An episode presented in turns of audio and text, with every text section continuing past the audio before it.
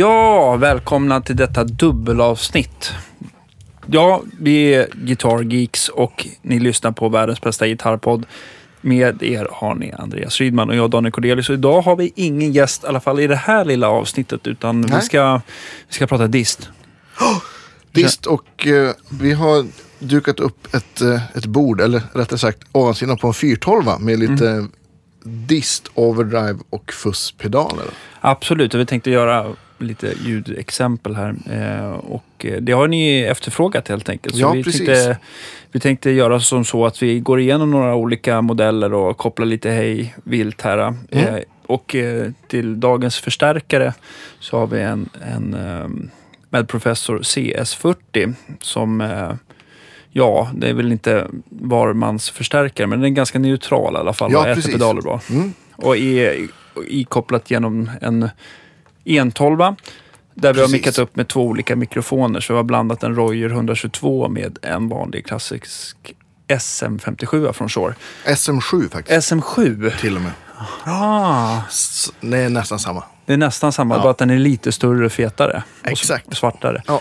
Eh, och eh, ja, vi kör mestadels en, eh, en Paul Reed Smith DGT som du hade här i gitarr istället. Som vi tänker men att visst. det där blir väl väldigt bra. Det finns lite Ja. annat här också, så vi Ja. får väl se vad som åker Jo, fram. det finns en del annat har jag sett.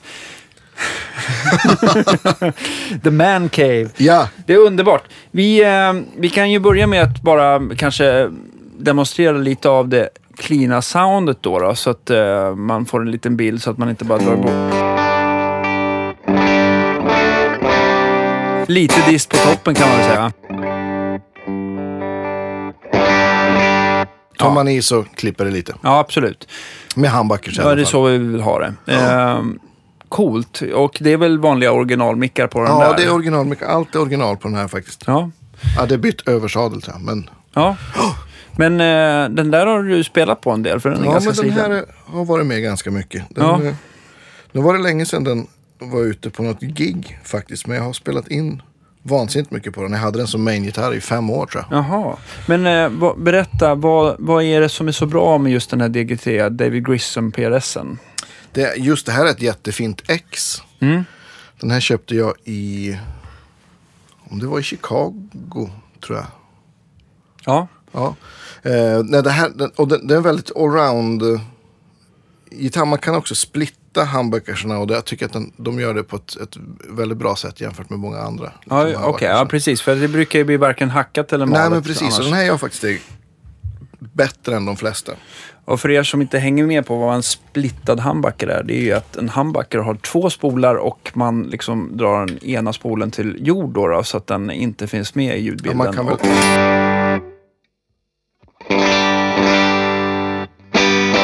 så blir det, en, det blir liksom lite straftigare, men det blir nästan lite mer, ännu mer urholkat på något ja sätt. men precis sådär. det blir det. Det blir lite tunnare men Men det är ganska användbart ändå. Sådär.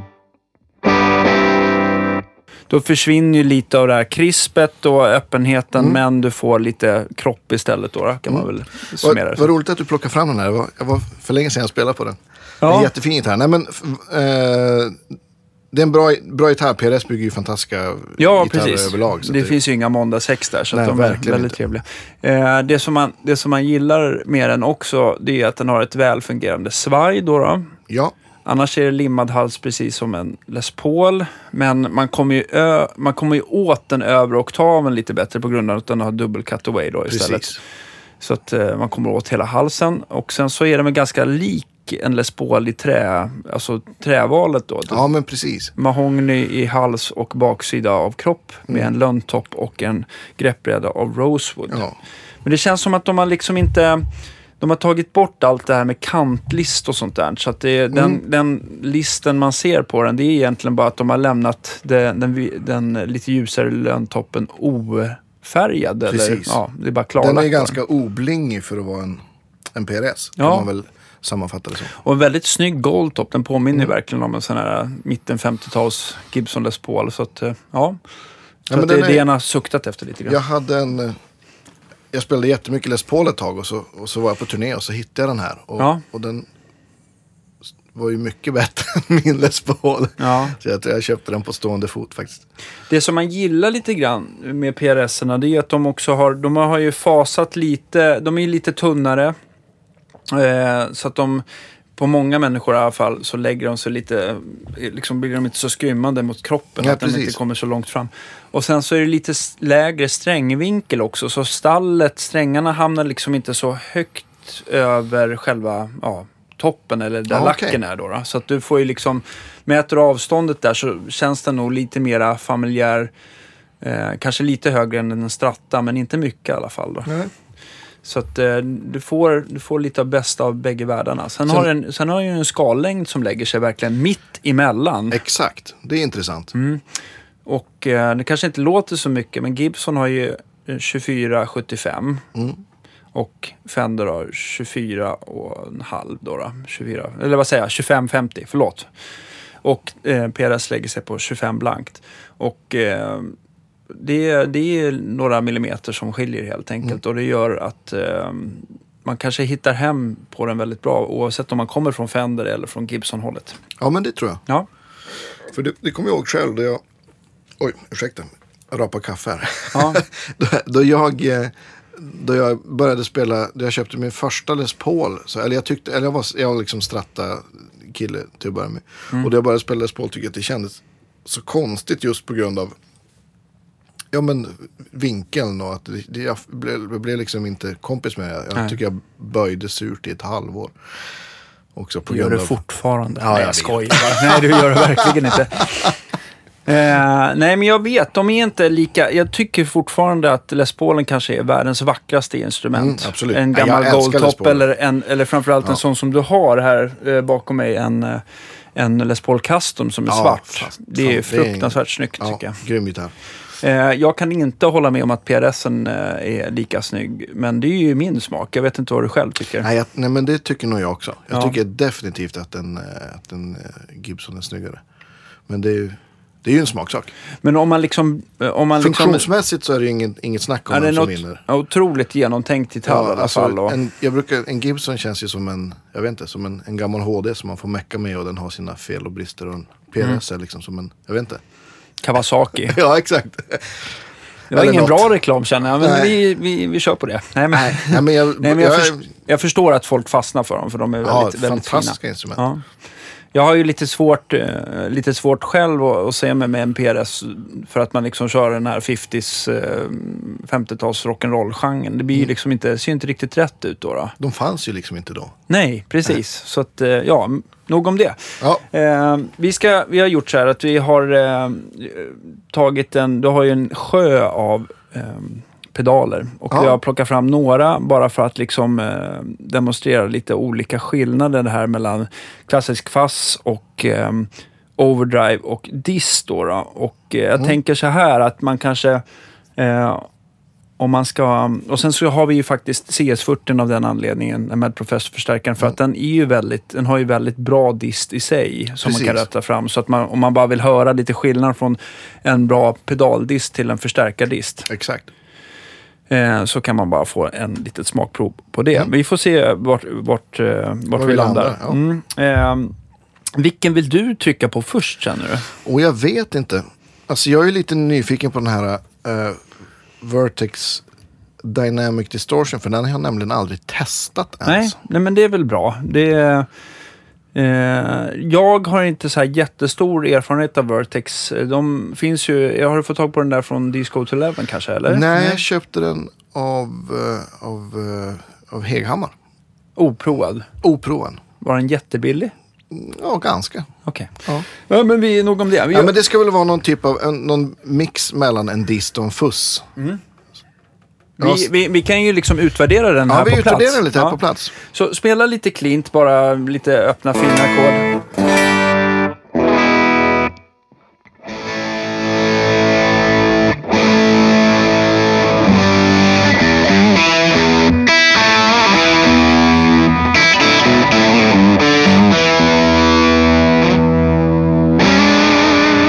Ta lite cleant igen här bara så att man får gå lite...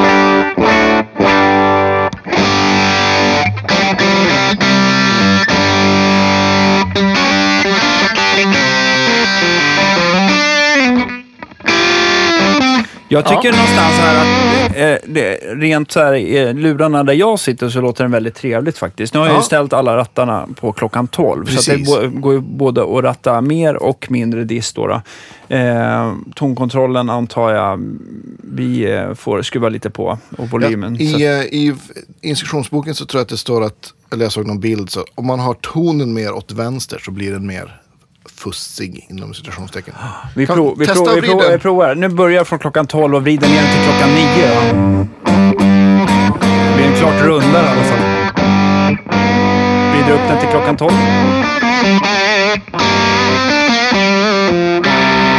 Och där hade vi klockan 3 och då kan jag kompensera ner lite på volymen.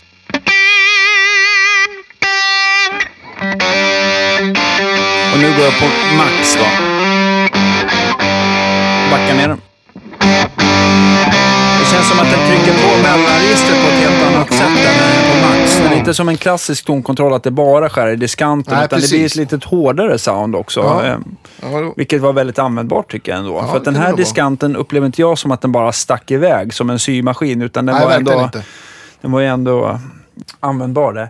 Jag tänker också så här, den heter ju Dynamic Distortion och jag vet inte om det innebär att man ska kunna spela lite anslagskänsligt eh, eh, eller ha mycket olika spann på volymkontrollen. Ja, den cleanar upp ganska snyggt va? Precis, ställ volymen där på 12. Precis, nu är, nu är allting på klockan 12 igen.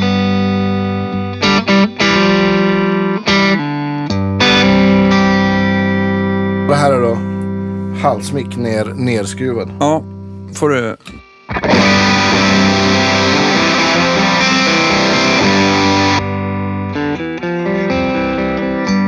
Ja. Jag tycker den håller lite vad den lovar. Eller vad... Ja, verkligen.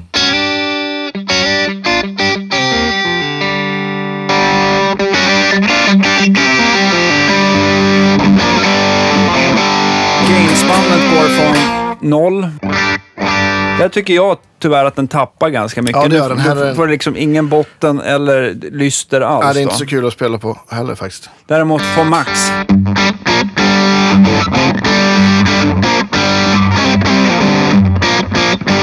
Ja, det här är skitkul. Ja.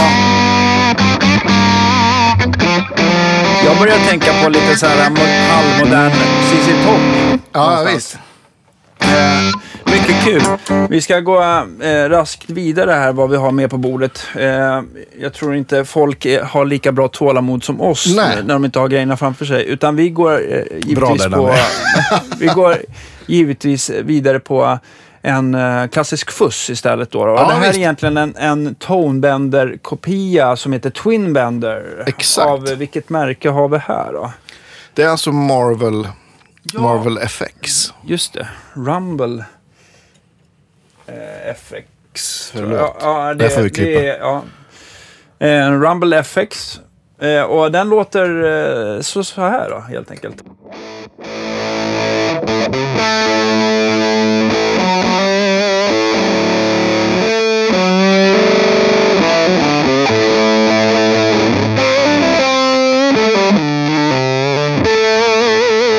Det man märker lite på de här att så fort man ska liksom ta fler toner än en så bryter den ihop lite grann sådär som en fass gör. Ja, men precis. Så, och liksom att den liksom kräks på ett lite charmigt sätt. Ehm, Ja, men det här kan- är ju verkligen en, ja, en fuss. Ja, precis. Det är,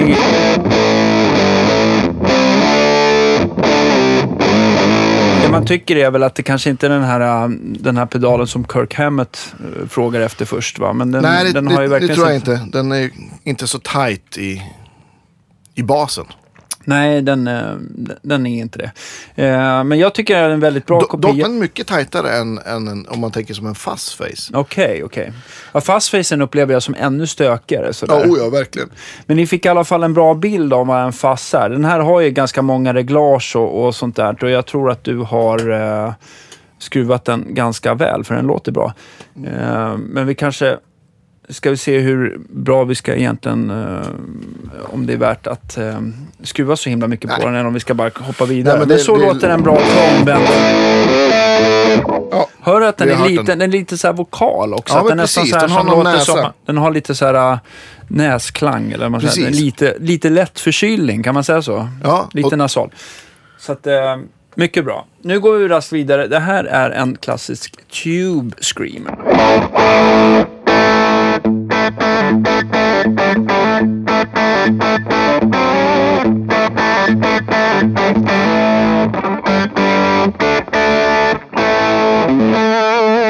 Och den där äh, pedalen så upplever jag, nu ställde jag väl i och för sig inte tonen så här jättehögt, men är runt klockan 12.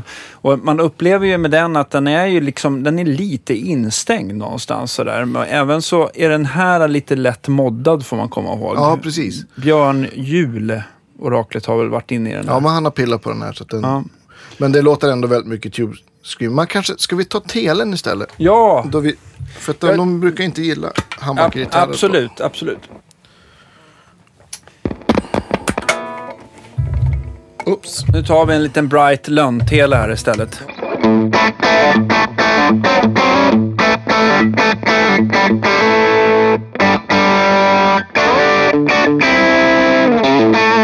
Tycker gi- det gifter sig lite bättre i Ja, alla men det fall. tycker jag. Eh, det man tycker med Tube Screamer så där, det kanske är om du har en förstärkare som låter ganska bright och lite mellanregister. För den där är ju också lite vokal, precis som fassen där. Men den har ju liksom en mycket rundare karaktär. Så har du en Fender där eh, kan vara liksom en Deluxe Reverb eller Super Reverb eller Twin eller whatever. Som har ganska lite mellanregister och väldigt mycket bright top. Då lägger sig den där Tube Screamern väldigt mycket trevligare Ja, än vad den gör i den här eh, setupen tycker Jag, jag. bruk, jag brukar gilla att ha liksom driven lite lägre. Jag, test, jag vrider ner driven här bara så Ja, kan man ja, höra hur den ja. låter. Liksom, om, för,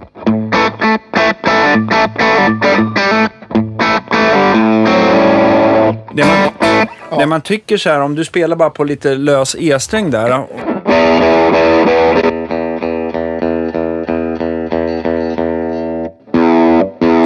Man hur liksom att den verkligen, den verkligen tar bort mycket av transient och Ja, eh, visst. öppenhet där. Så den är, ja, inte in, instängd och dålig i alla sammanhang, men eh, det beror på självklart var man kopplar in den någonstans. Mm.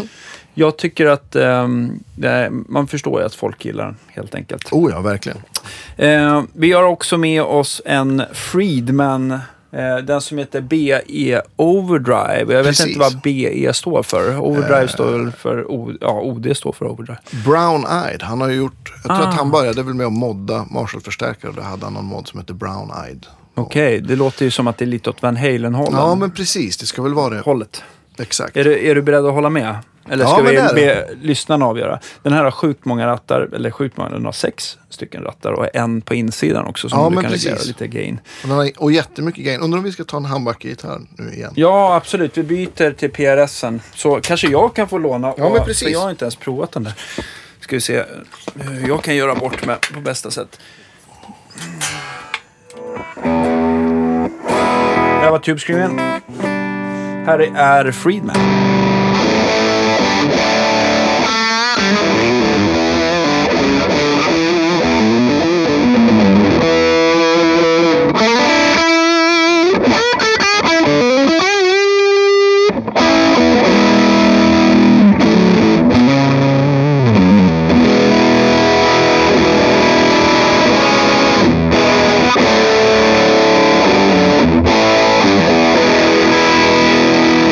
Och ni fick i alla fall en liten bild. Jag, Ja, visst. jag vet inte riktigt vad jag ska liksom eh, lägga den. Nu får du gitarren heter det? Vad man ska lägga den i för fack riktigt. Jag tycker att den har väldigt mycket gain för att kallas för overdrive. Men, Nej, det är eh, ju en, det är en, det är en jag skulle säga att det är en dist. Ja.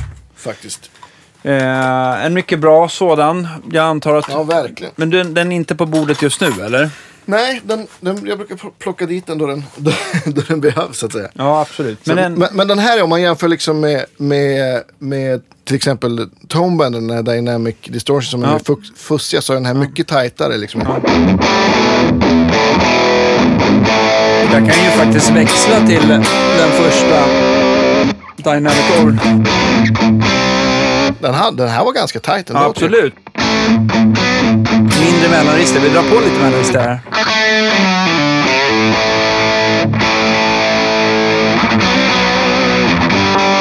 Där är tillbaka till Freeman. Dynamic distortion.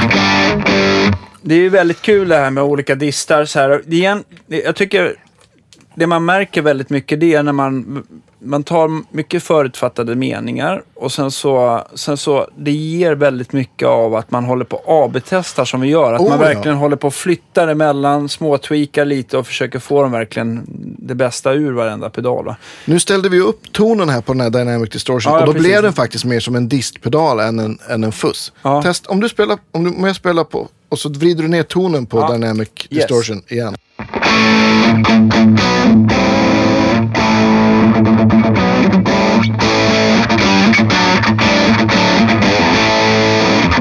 Vred jag upp den igen och och då kommer mellanregistern tillbaka så, så blir den lite mer skopad när man backar.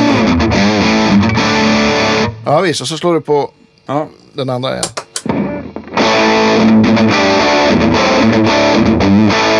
Den, den har ju också bas så att du kan få väldigt... Eller väldigt tungt. Och så har den den där tight-ratten, den har jag vridit upp lite. Den tar också bort Lite bas. bummel. Om du, ja. om du tar, sätter Ja. den på noll. Ja. Jag river upp den. Den tunnar ju väldigt mycket. Den där är väldigt bra för nu har vi en, en 112 så att det, och spelar man på en kombo.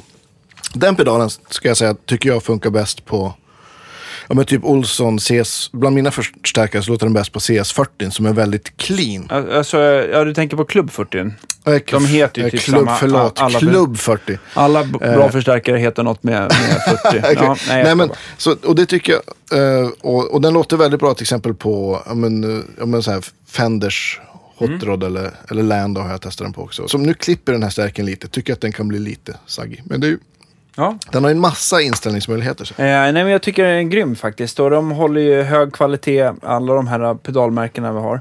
Eh, jag tänkte också, vi måste gå vidare och Ja. eh, här är ju en, eh, en pedal som herr Olsson då har byggt som heter The Wizard. Och jag tänkte faktiskt, den här har jag ju rattat på några gånger. Så Ja. den är ju ganska bra om man, om du spelar lite grann nu då.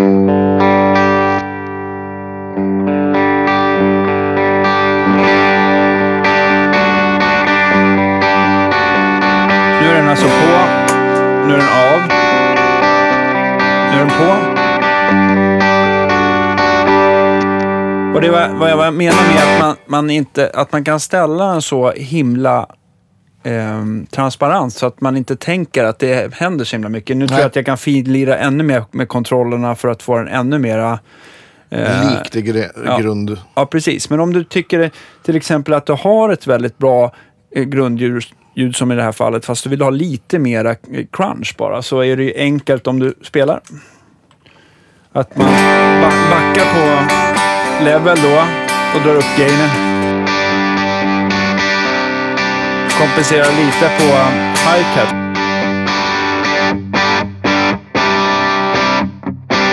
Du slår av den. Ökar jag precis volymen lite.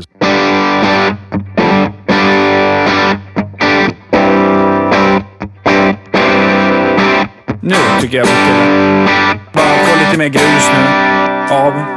Ja visst. Så att den, den gör sig väldigt bra där. Eh, Den, behö, den eh, kanske i vissa stärkare som där, där det behöver lyftas mellanregister för att, man, att disten ska låta bra. Eh, kanske man vill välja något annat. Men, men i Olsson-stärkarna som är ganska bärande i, i hela, eller CS40 här från Mad Professor eller det finns ju många Eller en andra också. Hot Rod. Det Ja, vill eller något ja, som ja, precis. också är ganska... Ja, precis. flat, liksom. Ja. Så, och, och den har också, eftersom den har dubbla gainsteg, så kan du då få, få ganska mycket drive. Så jag drar, backar lite level.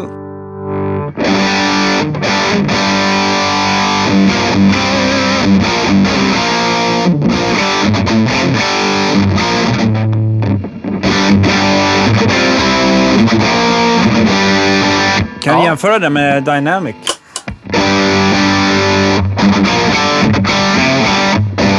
Du tillbaka.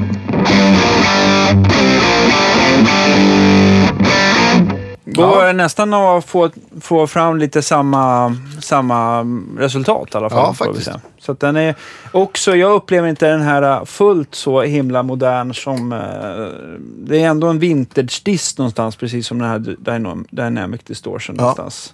Kanske...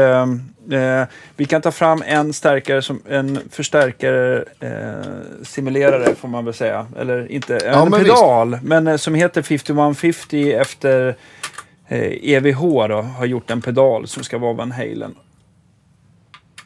Det nya soundet här. Och den eh, låter så här, clean sound. Nähä, den vill inte låta. Vill den ha ström kanske? Så. Jaha. Nu är det av.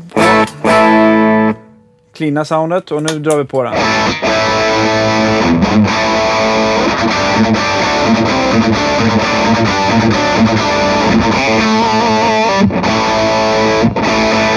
Ni hör att den har ganska mycket gain och då har vi ändå, då har vi ändå inte tryckt igång boost-läget. Nej, det behöver man knappast. Jo då, det behöver man visst det.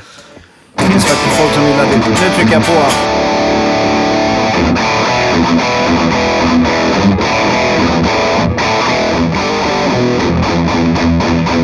Den här har ju väldigt tight liksom, bas också. Jag brukar, brukar faktiskt aldrig ha den här på gain mer än typ 12 för den har så fruktansvärt mycket Ja, dist. nu, har jag, nu har jag limmat du, fast den du här. har maxat den. Ja, nu har jag maxat den. Men jag vill bara liksom Ja. få se. Att, och den här har ju, har ju betydligt mer överstyrning än vad du kan få ut ur en Wizard.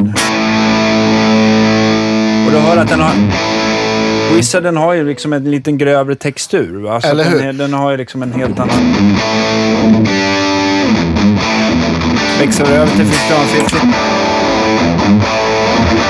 Den här känns ju liksom Ha- mycket... lite. Den här känns ju, ja, så. Jag håller på att fintuna här lite grann. Jag bara, vars- Nej, inte ner med gainen. Inte ner med gain. Och så Olsson. Där har man ju tydligt att uh, Ols- Olsson låter mycket mer old school och har lite flubbigare bas. Och... Ja, precis. Den har ju för sig en low cut som ligger Ja, väldigt det. tidigt i kretsen, men det gör ju att gainen går också ner lite grann. Ja. Om du spelar här så kan jag visa.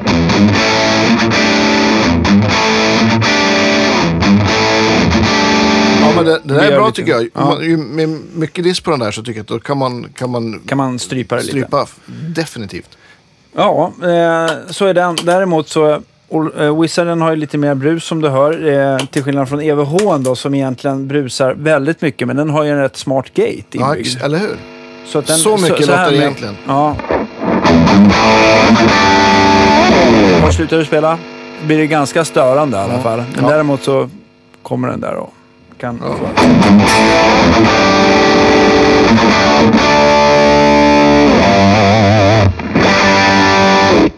Ja. Ja. Så att den, är, den är lite fiffig så i alla fall. Eh, jag tänkte också att vi skulle eh, ta in några av våra andra favoriter. Eh, vi har ju pratat mycket om Björn och många som kanske inte har hört en, en av mina favoriter genom alla år, det är den här Honey Bean då, då helt enkelt. Ja. Och den är ju en overdrive och den har inte speciellt mycket gain alls. Men det den Nej. gör, gör den förbaskat jäkla bra helt enkelt. Så, där. Nu ska vi...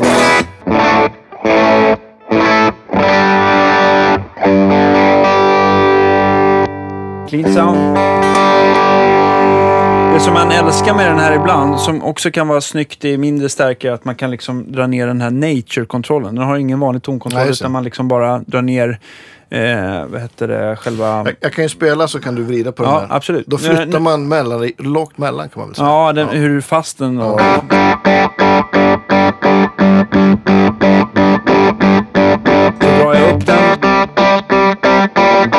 lite smalare. Mer mellanregister.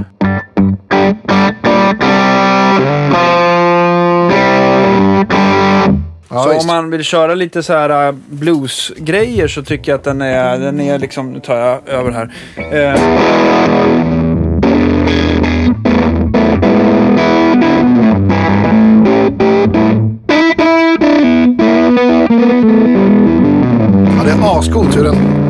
Ja, bara ur totalt i Ja, basen. precis. Det är ganska tufft. Som en... Om du, om du spelar samma sak och så sätter vi Nature på klockan, klockan 12 istället för Ja. i...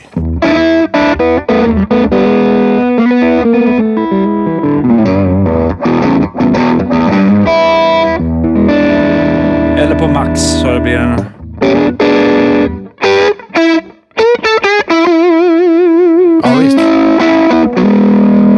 Ställer den på minst.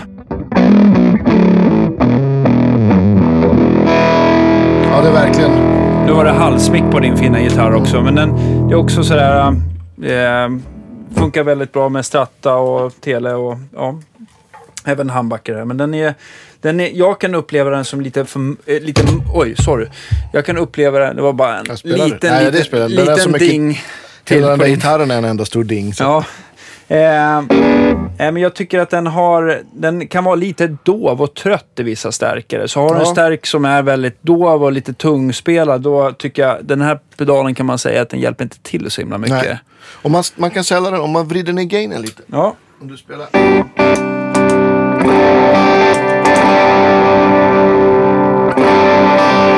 Där någonstans tycker jag brukar vara ganska bra. Nu tar den ju bort, nu cleanar den upp lite, den blir lite mindre flubbig.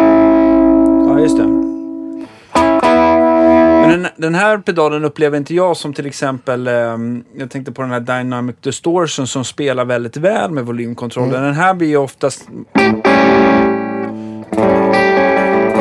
Ja, det är okej tycker jag ändå. Ja. Men den, vissa pedaler de klinar verkligen upp snyggt. Så här, så Den här är ju väldigt, väldigt dynamisk. Ja, just det. Att man kan spela... Man har mycket, alltid fingrarna som gör mycket. Ja, men där. precis.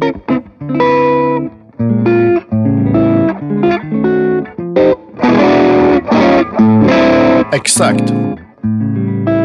Och här, Danne bara spelar lösare och hårdare här. Det är Ja, inget precis. alls. Och man tycker inte att liksom eh, volymen sticker iväg. Utan Nej, det är, allting precis. sitter i händerna. Så det, är, det är många som gillar den för det. Och den är... Nu fick du tillbaka gitarren här. Eh, men den är väldigt omtyckt och den har gjorts i lite olika varianter också. Eh, jag använder en som heter Silverbee faktiskt. Ja, det. som jag tycker inte är fullt lika skitig i basen och har lite mer diskant också. Mm. Så den, den är väldigt trevlig från Barefoot där. Eh, men det finns många vägar till Rom. Eh, och den här är väl i alla fall den gamla originalet som, som, Ja, men det är- som, det är- som är absolut sålt mest får man väl säga Ja, men det tror jag. funnits längst. Hur, jag tänkte så här, hur står sig egentligen en bra distpedal tycker du mot en stärkardist sådär? Låter det på samma sätt? Nej, det gör det inte tycker jag. jag eh, och det är väl inte så konstigt heller om man har en, en förstärkare med fem förstegsrör och det kanske till och med distar i slutsteget också. Så Mm. är det väl ganska självklart att det kanske blir lite komplexare eller, eller annorlunda. Man det, det är väl, jag vet, ska inte säga att det ena är bättre än det andra men Jag tänkte också att jag skulle gå fram till, eh, eh, i och för sig, vi kanske har någonting, har vi någonting mer här som är verkligen så här, det här borde du verkligen prova. Jo, vi ska hämta ner en fastface. ja men det är klart vi ska. Absolut. Och eh, då gör vi som så här att det här är en, jag tror att det är den Bonamassa eller Eric Johnson fastface. det är Bonamassan här. Mm. Och det är den som görs från Jim Dunlop då, då som är helt kopparfärgad. Ska allt, allt vara på max? Allt ska vara på max. Okej, Då- okej. den- Och då låter det... Okej.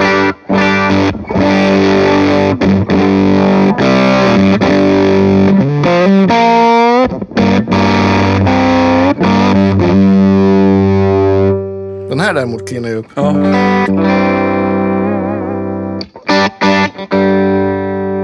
Det här är alltså stallmicken bara.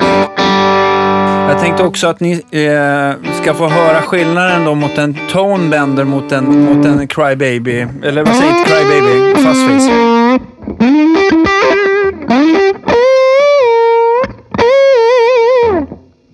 Den här är ju väldigt, väldigt rund och Ja, den är orolig. Jag, jag upplever att många som jag har provat har varit mycket stickigare. Eller är det stärken som är lite runt? Ja, jag, tror, jag tror att den, den här är ju faktiskt, den är ju voicead för handbackergitarr. Så, det är Ah. faktiskt, så att den, den är gjord lite så att den ska, jag tror att han vill, vill åt liksom, att, vill, vill åt det här. Alltså Ja, lite det. så här sjungande. Vi ska faktiskt göra en väl... Vi ska göra en väldigt lyckad kombination sen med den här in i en annan pedal också. Ja, men vi, visst, vi, det är vi, roligt. Vi, återkommer till det. Men nu först vill jag bara demonstrera. Det här är, var en fast face, en bra sån. Och det här är en, en tonebender-kopia.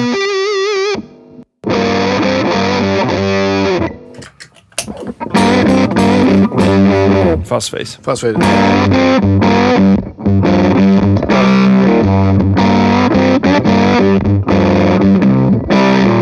Då är det samma riff fast med den här Ja. då. Om jag kommer ihåg det.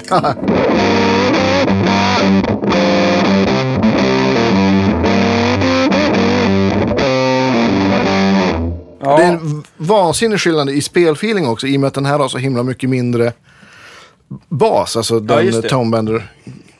Det tycker jag nästan kan vara ett problem med många fastface, att de också har väldigt mycket botten och att de kräks och blir Ja, det blir otydliga. väldigt Men, flubbigt. eh, jag ska bara, vad heter det, snabbt koppla ur The Wizard och eh, jag tänkte koppla in Honeybeen emellan där i kedjan. För Ah. det brukar bli ganska kul av att köra in en fast face just i en Honeybee. Mm. Och det låter ungefär så här. Ska vi se. Är det cleant nu då? Ja. Bara fast face. Tillsammans med Honeybee.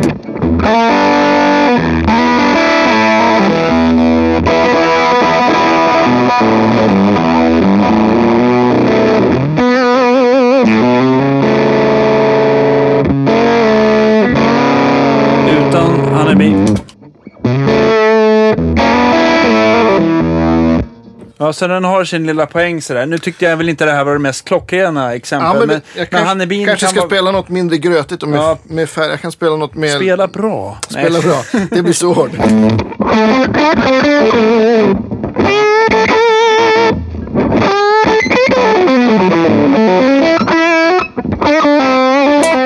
Nu är det bara Honeybee.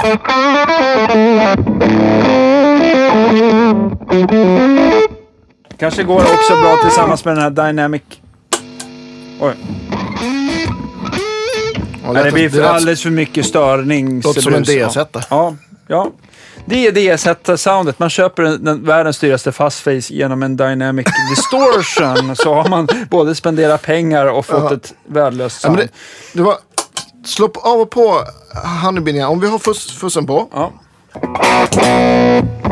Och nu är Honeybeen på, eller hur? Och så slår du av Honeybeen.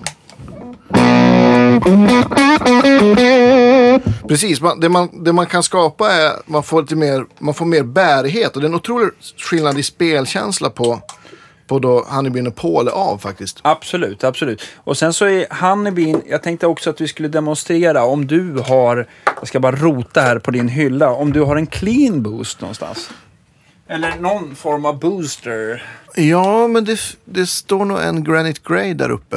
Eh, Ja, den är på det lilla, lilla pedalbordet som vi... Nej, vi tar, vi tar den här. Ja, The Spell har vi The där. Spell har vi och det är också en Olsson-pedal för den känner jag till lite hur den funkar i alla fall. Då ska vi egentligen ehm, koppla in så här på följande sätt. Eh, så där.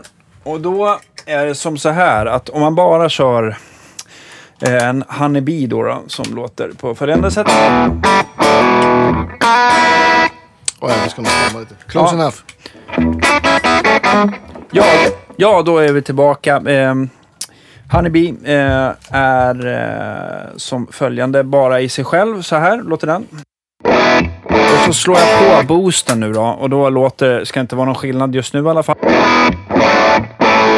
Men jag trycker på en massa volym in i Honeybee.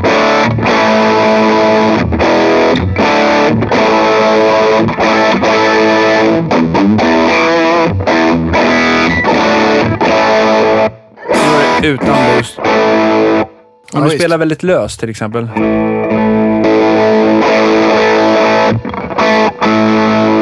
Ja, visst. Och den här också, den, den här boosten har en mellanregisterkontroll också som, som också kan, du kan trycka på vart någonstans den ska boosta. det. Tyngdpunkten ska ligga. Väldigt hängmattigt. Eller mycket mellanregister. Så kan man skära lite diskant också. Nu hör man inte så mycket eftersom det är en så rund pedal i övrigt. Då. Men, men, den, men eh, den här pedalen, Honeybeen, den, den trivs ju ganska bra med att få, få um, en booster innan sig som man trycker upp gain-nivån med. va? Ja, visst. Det är, man kanske ska testa det med... en pedal som inte går bra alls, det är ju, vi kan ju, ja det finns ju flera, men eh, Tonebenden och eh, Tube Screamen är väl, eh, Ja, Tube Screamer är väl kanske den som... yes, då kör vi så här att eh, vi kör en, eh,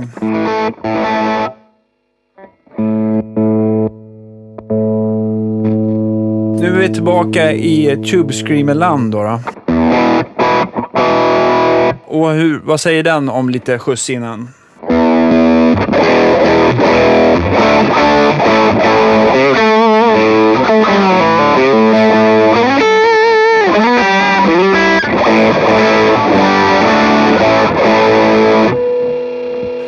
Nej, man kan säga det. Det är jättesvårt att höra för nu hör ni kanske lite ljud från strängarna in i mikrofonen också. Men man tycker inte att den här signalen blandar sig så väl helt enkelt. Det är liksom, en tube screamer är uppbyggd så att det är nästan som att det är två skikt. Ett Ja, distat skikt släpper och ett lite cleant skikt. Och de där blandar sig på ett konstigt sätt och det känns eh, ganska märkligt att spela igenom. Nu, Då. ja, nu är vi elak. Nu kör vi liksom en handbackgitarr och en boost innan. Ja, Den, eh, den är inte riktigt Tube tänkt Screamer för det. låter ju jättebra med en, med en, eh, en single coil tycker jag. Ja, precis. Och- Även om det inte är mitt my first choice. Som, varför började jag prata engelska? Det var bra. Därför att eh, folk förstår engelska. Ja. Ja, nej, men en sak där det verkligen ballar ur, det kan jag säga, det kan man nästan nog bara höra på brusnivån. Det är om man kör en booster innan en, eh, en fast. Då, Ja. då. då blir det på följande sätt. Ska vi ta den där och... Gasa på den här.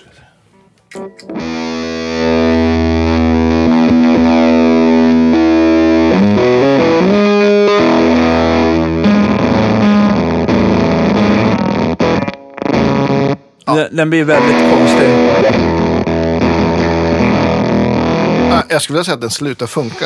Ja, och så kommer brus. Om du slår av den. Nu rörde jag inte på pedalen Nej. ens. Ja. Så här ska den låta.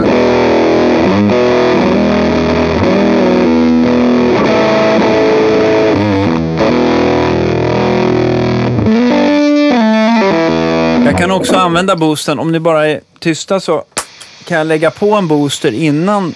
Eh, och den här boosten, jag lägg, lovar, den lägger inte på mycket brus. Men för att en fass, eh, Nu slår jag av den.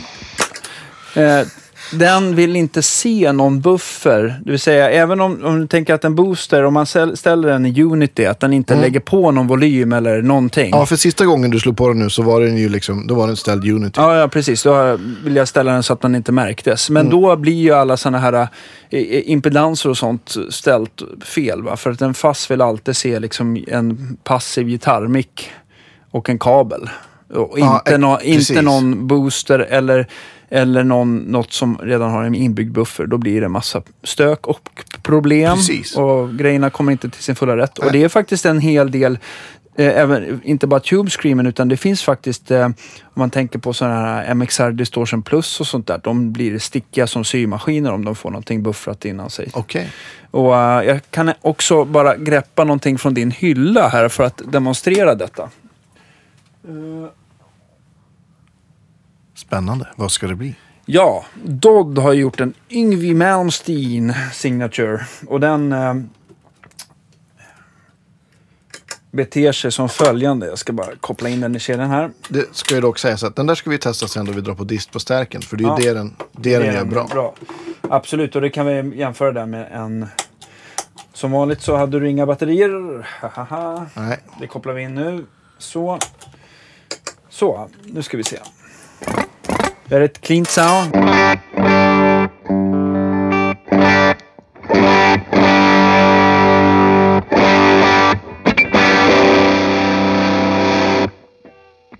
Här, här är, nu är det inte riktigt det den är tänkt för, men som diskpedal utan tonkontroll så låter den så här med relativt mycket gain.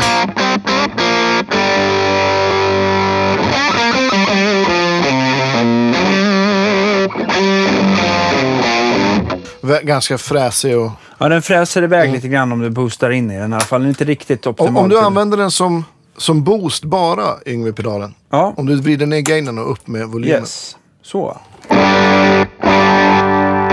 Precis, då, tycker, då gifter den sig jättebra med Ja, stärken tycker jag. Men det här är väl en ovanligt bra... Alltså den här YM 308, den brukar ju liksom inte låta eh, kul i alla vari- var- det här är, en, det är lite fusk. Det här är en analog med en moddad. Så att Okej. det, den har lysdiod och jag tror inte han har gjort så himla mycket. Det, med, det han har gjort är att den ska låta som, mer som den gamla gråa. Okej, okej. Ja. Att den är lite mjukare. För att de Ja, här men brukar vara precis. mycket stickigare. Ja. För er som är mer intresserade av sådana här, vi pratar väl rätt mycket eh, sådana här gamla eh, Dodd-pedaler med eh, Erik Mårtensson. E- Erik Mårtensson. Så att man vill Ja, både Erik och, och, och, och Magnus Ja. Henriksson i Eclipse är ju stora användare och förespråkare av Ja, av men jag Yngve tycker även i rätt stärkare som inte är för bright så är den väldigt trevlig. Bara Ja, som den cleana. är och- skitbra. och. Alltså. Så, vad har du lärt dig av denna sektion, Andreas? Ja, Eh, Fick Ja, du någon eh, aha-upplevelse? ja, men det var ju, jag tyckte det var kul att, att, att testa eh, Dynamic Distortion. Ja, mycket bra faktiskt. Mm, jättebra. Den, eh, jag tror att den kan vara asball på slide eller lapstil. Ska Ja. jag testa. Jag tycker någonstans, eh, även om man liksom i detta fall kan ha sina favoriter så ska man liksom inte dra alla, eh, att eh, döma dem så hårt. För att det beror så himla mycket på eh, vilken gitarr, vilken förstärkare och framförallt vilken högtalare. Och nu Ja, är det också lite sådär eh, att micka upp förstärkare är en konst som vi alla vet och det är inte så himla lätt att få ett sån eh, intryck av ett uppmickat ljud som när man står framför en förstärkare. Så det gäller verkligen att prova. Men jag hoppas i alla fall att det här programmet gav er en liten så här inblick av lite hur olika fuzz, overdrive och eh, distortion har, kan bete sig. Ja, men enkelt. visst. Ja, men, och det jag också fick lära mig igen här var att man, man får ju lätt förutfattade meningar om, om pedaler. Både vad som har skrivits om dem och kanske man har hört demos. Så man får inte glömma att det, liksom, det färgas ju av så himla mycket av hur folk spelar och hur bra demos och sådär låter på nätet. Och, och egentligen den enda rättvisa grejen är ju att testa själv. Ja, Gärna med sin egen gitarr och, och, och ställa upp. Om vad man nu söker för pedal. Man ställer upp fyra, fem olika och... Vad, tyck, vad tycker du, om vi liksom eh, pratar mer om det här att, att vad är det man får? För att många av de här pedalerna som vi har dukat upp här eh, är ju ganska dyra i alla fall. Jag tror att du skulle tänka, det är ju eh, 1500 spänn uppåt i alla fall. Får vi väl, nu kanske inte Tube Scream är riktigt så dyr originalutförande. Men, men, eh, men vad är det man liksom, vad är det man köper? För, för de här extra slantarna tycker du? Men, ja, men jag tycker att det man köper är ju, är ju kanske... Men dels är det ju någon som har, har, har tänkt ut och designat de här pedalerna som kanske inte jobbar på en stor, stort företag. Och nummer ett och nummer två så är det ju oftast att de är byggda med kanske komponenter som är, är dyrare. Ja, absolut. Eh, och sen så är det, jag tror att det är eh, som, som eh, Björn berättar för mig, det är att det, liksom, det är egentligen inte att komponenterna är så dyra utan man ska liksom sitta och matcha Ja, det är dem timmarna. där. Det står, vi säger, ja, ja, men precis, man, man titt, man, vi säger att du tar ett motstånd som, som han vill att det ska vara på 220 kilo ohm så kan ju det drifta eh, lite upp och ner. Och så, så är ett motstånd är på 240 och ett är på 200, ett, eller annat är på 200. Och då får han kanske kassera dem. Och hela tiden prova ut det där gör att det blir rätt tidsödande för varje pedal. Och i vissa pedaler kanske den där lilla sk- skillnaden inte gör någonting och i andra pedaler blir det helt livsavgörande. Ja, visst. Så att det är lite det man köper också. Eh, däremot också varför vissa pedaler menar han på inte kan liksom serietillverkas. Det är ju också på grund av att, att den här matchningen blir för kritisk helt enkelt. Jag tror de här Man större... måste göra det för hand Ja, de här större företagen som förvisso gör väldigt bra pedaler, de har inte riktigt, de har inte riktigt eh, den tiden att lägga ner eh, och, och måste ha konstruktioner som är lite mer lätt eh, jobbade helt enkelt. Då. Det är väl den person, Ja, men precis. en, en av anledningarna varför det drar Det iväg. man, ja, men till exempel ja, Björn har gjort två varianter i alla fall på Tube Screamer. Både Little Green Wonder och den Persian Green Screamer heter den ju. Ja, från One Control. Från ja. One Control, ja precis. Och den andra från Mad Professor. Och, och de är det...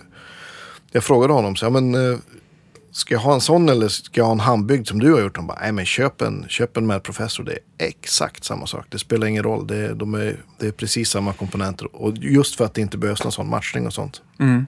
Ja, jag har också fått höra att, att när det gäller pedaler, när det kommer till point to point och att det ska vara handlött och sådär, att det inte alltid, det blir så ofta så trångt i pedalerna så att det är inte till någon, liksom här, någon fördel rent servicemässigt eller mekaniskt då, Ja, för att det ska hålla bättre. Utan eh, eh, jag vet i alla fall eh, företag som har både kört eh, eh, handwired som de kallar det eller, eh, eller kretskort då. Och då har kretskortmodellerna hållit bättre. Just det. Ja. Ja, det är intressant. Ja. Det är som, det är en annan grej som jag kan tycka är att man, att man kanske betalar lite extra för. Det är ju liksom själva att det ska hålla. Att potentiometrarna, eh, det, det vill säga... Switchar. Där, ja, switchar. Men potentiometrarna de har inte... De har... Eh, där rattarna sitter eh, på den här själva eh, potentiometern som sticker upp ur lådan. Mm. Om den är gjord av plast då kan man ju liksom här ganska lätt trampa sönder den. behöver inte allt för mycket våld. Nej, den är gjord i metall. Och att switcharna går att kanske rengöra så att man inte får liksom beställa en ny utan det går liksom att återanvända dem och sånt där. Och även att jacken är tajta och, Mm. och går att och lätt att eh, bocka till om så skulle behövas. Men eh, ja, Men nu i dagsläget så är det många pedaler. Jag tittar på till exempel den här Friedman-pedalen. Jag vet inte Mm. om, den, om den är... Jag kan tänka mig att den kanske är delvis byggd i fabrik och kanske hopskruvad för hands. Men det, Eh, Ja, jag tror att den är hopskruvad för hand, men det är, jag kan tänka mig att det är en kretskortbaserad. Eh, och, Mm. och, Ja, men så det, har ju, det har ju kommit jättemycket. Det är en guldålder för pedaler, skulle jag vilja säga. Det fanns, Ja. för, backar man tio år sedan så, så fann, det jag ville komma till var att då fanns ju liksom inte... För den Friedman-pedalen, den, den, det är en sak som är dålig med till exempel ja, men Björns grejer. Eller, eller kanske, jag vet inte, Olssons, men Mm. säg vad som helst. Allt som är handbyggt, analog menar. Hur lång kö har han på King of Tone? 34 år tror jag. Nej men du vet. ja. Och, men den här uh, BOD-pedalen har ju han säkert byggt 15 000 av. Så det är ju inga problem att få tag på en. Nej, precis, precis. Men sen så tror jag också att de här Eh, jag tror att han vill att det ska vara sån efterfrågan också på vissa pedaler för att det skapar ju en hype Analog också. Ja, men det tror jag Jag tänk, tänker så här som Clone Centaur som är kanske den dyraste den dyraste hypade pedalen som Ja. en av de som finns idag när det gäller i alla fall overdrive boost. Mm. Som jag inte personligen är något stort fan av. Men den, ratt, nu ska jag säga så här, rattar man den rätt i rätt stärkare eh, i rätt temperatur. Nej, jag skojar bara. Nej, men i, nej, då, då, då låter den jätte, jättebra. Men jag, jag, om jag fick välja så här, och, att nu måste jag ta med mig en overdrive och gå till gigget, så väljer jag inte den i alla fall. För att jag upplever Nej. den som väldigt hård. Men, eh, men han, har ju, den, det är liksom, han har ju verkligen skapat en myt om den sådär som är... Som är eh, Ja, slutat göra den. Ja, precis. Mm. Eh, och jag tror att King of Tone får väl lite samma känsla också. Jag har Ja, provat men den också och den är, den är inte för mig. Jag upplever den som att den är ganska baserad på en Tube Screamer. Men den Ja, kan, men det är det ja, den kan den? betydligt mer. Vad heter den Grateful Dead-snubben? Bob Weir, kan han heta det? Ja, Jag har sett någon bild på honom. Jag tror att det, de utgick från hans gamla 808. Ja. Och så har de väl gjort lite tweakar hit och dit. ja, just det. Och jag, det finns ju andra pedaler där ute som är ganska typiska Tube Screamer-kloner, eller alltså utbyggda byggda utifrån Tube Screamer. Tänker jag. jag tänker på Timmy till exempel. Från, Mm, precis. eh, och även eh, Och Vemurams uh, Vemurams, Jan Ray. Jan Ray är ju lite åt det hållet också. Det enda som skiljer det är att du kan ställa bas också då. då Mm. Så att de, du blir lite mer flexibelt. De kanske. två, både Timmy och Jan Ray tycker jag är jätte, jättebra. Verkligen, verkligen. Skit, skitbra Än en gång, rätt gitarr, rätt stärkare är magiskt. Mm, och återigen också, Ja. vad, man, vad man går igång på att spela på. Det, det är ju något som inte, inte går igenom ett sånt här test. Hur, hur det känns att spela på pedalerna. Det är ju väldigt stor skillnad. Det ska Ja. jag säga. Till exempel den här EVH pedalen har liksom, den är mycket tajtare och har liksom eh, lite så här studsigare att spela på än vad, vad den här Friedman-pedalen är. Som, som man känner, det är li, lite mer lite, den är lite Svampigare, va? Svampigare Ja. ordet, precis. Men det, det, det låter som att den inte är riktigt lika direkt också. Vilket gör att den kanske inte heller blir lika modernt skuren. Jag tycker av, om man nu ska få rangordna pedaler fram och tillbaka, hur slags moderna de är här Mm. och de vi har spelat på, så vinner ju 5150 den, Ja, det är den, den, den, klart modernaste. ja, disten sådär. Och den gör det väldigt bra. Eh, jag tycker det är verkligen kanon sådär. Medans, medans eh, Friedman kanske kommer ett steg mer åt vintage. Eh, eh, och sen så de här Dynamic Distortion och givet Wizard och sånt där. De blir ju ytterligare ett steg åt vintage. Och sen så kommer de här Honeybee och, och fastpedalerna då som eh, Iber Vintage då. som, alltså verkligen så här, eh, ja inte så modern. Eh, eh, skuren dis- dist i mina öron i alla Nej, fall. precis. Mm. Så att, eh, ja. Ja, vad, har du någonting som du... Fick du någon aha-upplevelse idag? Nej, men jag tycker alltså i den här stärkan så blir man... Eh, det är som de här, de här gamla Dodd-pedalerna. Jag, jag, ibland så blir jag sjukt så här, fasiken, det låter jävligt bra. Eh, men jag, jag, jag har märkt i alla fall, när jag inte har någon tonratt, att man kan reglera in diskanten lite grann, så tycker jag att det är inte den här, det är inte den här pedalen du vill ta med till vilken backline som helst. Utan de, de i rätt, precis, rätt stärkare så låter de fantastiskt. Ja, visst. Jag tycker Dynamic Distortion ska ha en, eh, en liten ros eh, för att jag tyckte att den var klart över förväntan. Ja. Eh, Kan inte jag få testa att spela lite slime med den innan vi lägger Ja, av? vi kan köra det avslutningsvis och ehm, ja, Ja. tacka för oss helt enkelt. Tack för oss, på återseende. Vad vill du spela Om du, slide med? om du ger mig den där uh, slide-strattan där med goldfoilsen.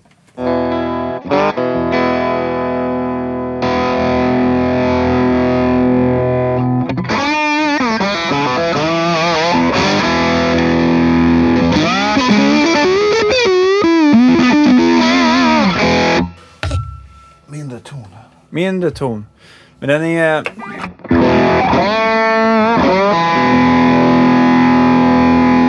Ja, men det. Ja. Ja, jag tycker den är fantastisk det också. Eh, coolt. Ja, men hoppas ni eh, fick lite nytta av det här och eh, eh, på återseende nästa vecka. Jag slidar ut oss jag. Ja.